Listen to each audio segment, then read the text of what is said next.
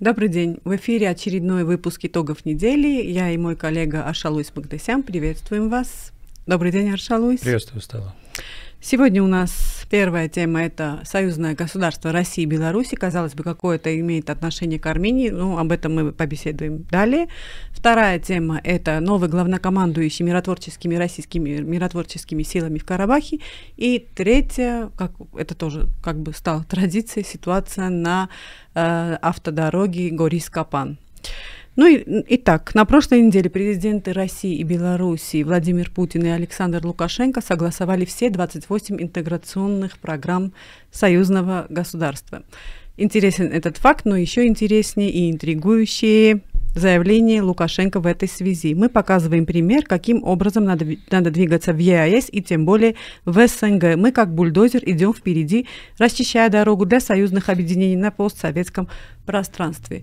И сразу же в Армении обсуждение и дебаты на тему, а что имел в виду, кого имел в виду Лукашенко, неужели дальше Армения? Что ты думаешь?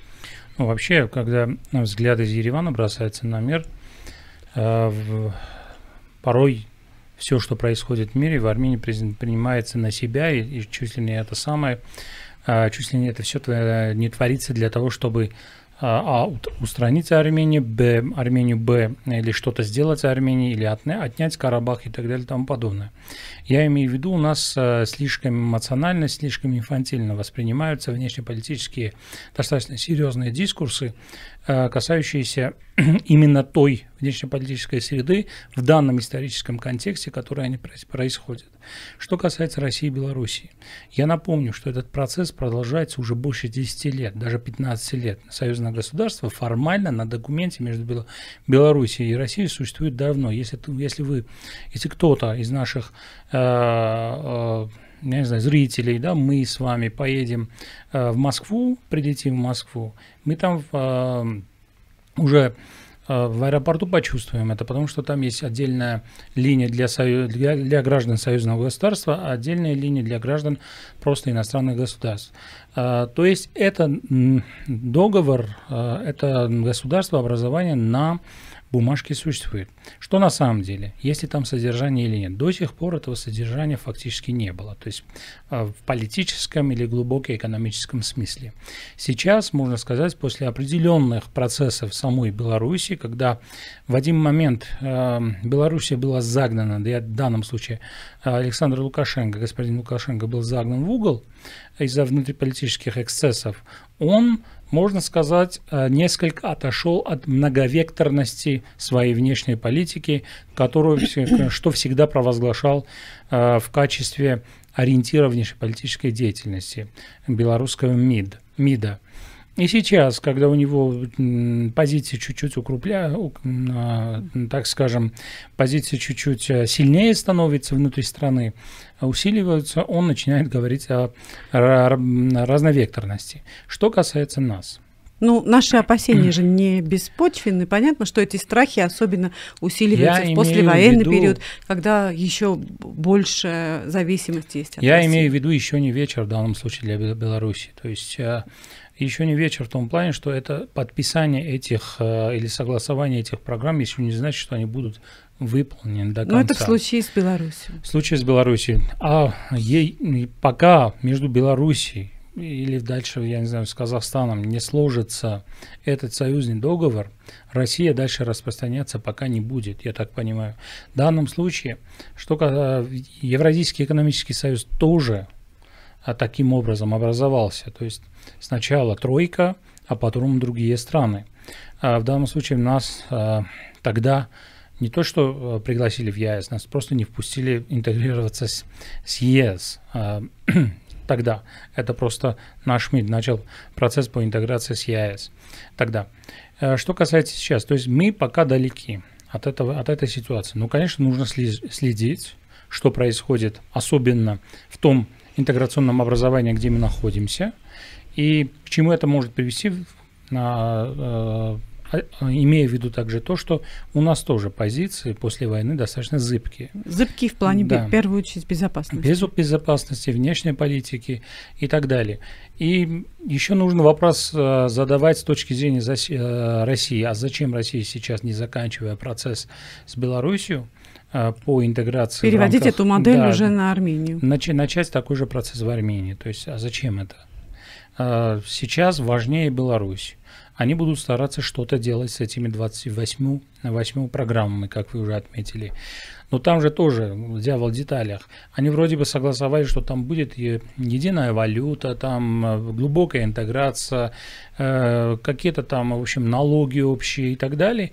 Но так и не согласовали вопрос, где будет э, построен этот единый эмиссионный центр. То есть очень много вопросов, которые в любой момент с учетом характера Александра Лукашенко вести внешнюю политику таким образом, который исходит из интересов его страны, эти документы могут быть отложены.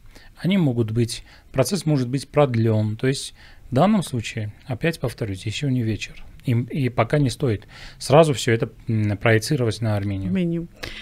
Перейдем ко второй теме. Там опять Россия. Сменила командующего миротворцами в Карабахе. Им является генерал-майор Михаил Кособоков, у которого как сразу же заметили армянские медиа, опыт работы в Абхазии в Южной Осетии, э, кандидатура Кособокова была воспринята неоднозначно, если не сказать с недовольством в Баку.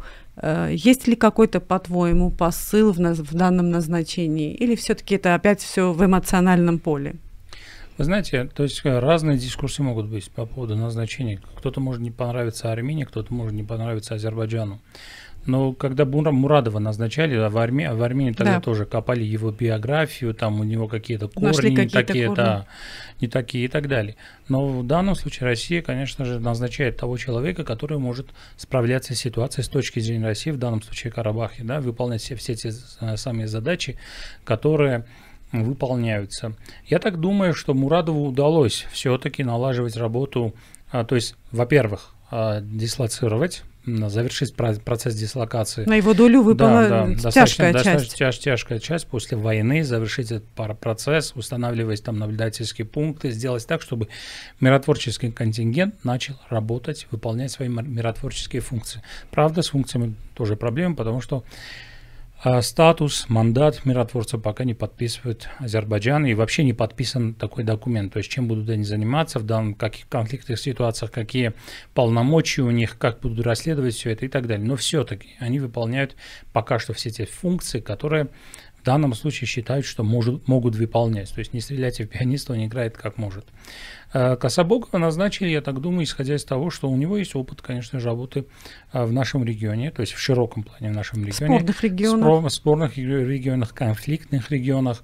И этот опыт будет понадобиться. Таких генералов и таких э, кадров, так скажем, они же на улице не валяются, то есть у них они, они есть, они их, а, так скажем, то есть э, формируются годами эти кадры, и, и эти кадры и их назначают. То есть у них достаточно важная миссия, и ну, в данном случае он знаком с регионом, э, с, знаком с регионом. Э, странно бы было, чтобы назначали кого-нибудь совершенно левого человека, вот тогда бы возникли вопросы по поводу того целесообразности э, миротворческой миссии в Карабахе с точки зрения России. Аршалус, перейдем к третьей теме. Она опять связана. В очередной раз с автодорогой Горис-Капан Азербайджан установил там полицейский пункт и взимает э, суммы с иранских грузовиков, с водителей иранских грузовиков. На днях посольство Ирана в Армении выступило с довольно обтекаемым, я бы сказала, комментарием, в котором опять-таки говорит о развитии отношений со всеми соседями в регионе и так далее, и отмечает, что э, главным, важным вопросом для Ирана является устранение преград на автодорогах. Как, по-твоему, Азербайджан пытается как-то спровоцировать Иран на какие-то действия резкие? Для Азербайджана важно давить на Армению сейчас.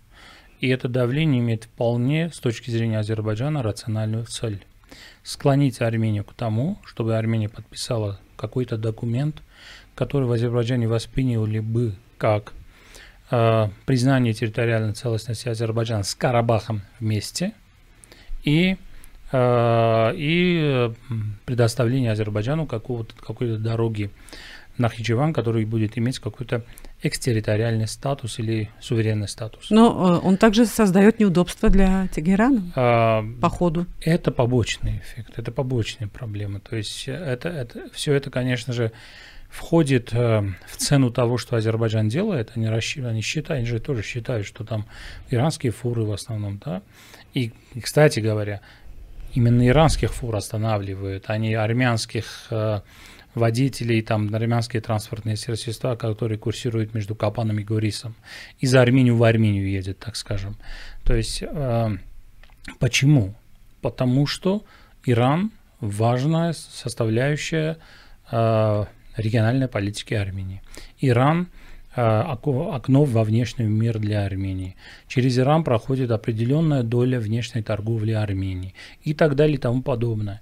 Поэтому все это делается. Если будут армянских водителей останавливаться, кое-как решат этот вопрос. Они же понимают, что есть какие-то грунтовые дороги, какие-то дороги, которые сейчас э, армянская сторона реконструирует, там, там э, идет ремонт этих дорог, да, и, и это, этот процесс можно завершить там через два месяца, три месяца, но большие, большие грузы иранские, они через эти дороги, даже отремонтированные, не могут ехать. То есть там со создаются проблемы. Есть, есть очень много там достаточно сложный рельеф, сложная ге география дорог, которые преодолевать ну, чрезвычайно сложно для иранских больших грузов. Поэтому все это делается.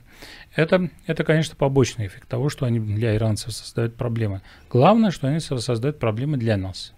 Что мы делаем? Мы ну, знаете как, то есть э, мы прямо сейчас ничего не можем делать. То есть дипломатическим путем решить этот вопрос посредством связи с Азербайджаном нельзя. Либо что-то нужно предоставить им в обмен.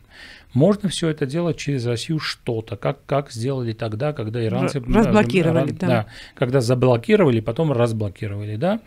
А сейчас это делается. То есть это планомерная цепочка действий, которая идет уже с мая месяца. Сначала вторглись территорию Армении, потом перестрелки периодические, потом заблокирование этих дорог, потом раз, а, открытие этой дороги. Сейчас вот такие препоны такие проблемы для иранских водителей. То, То есть цель... альтернативная дорога, которая строится, а... и она не может решить э, полностью проблему? Полностью, я боюсь, решить не может. Об этом должны говорить логисты, конечно, то есть специалисты по логистике.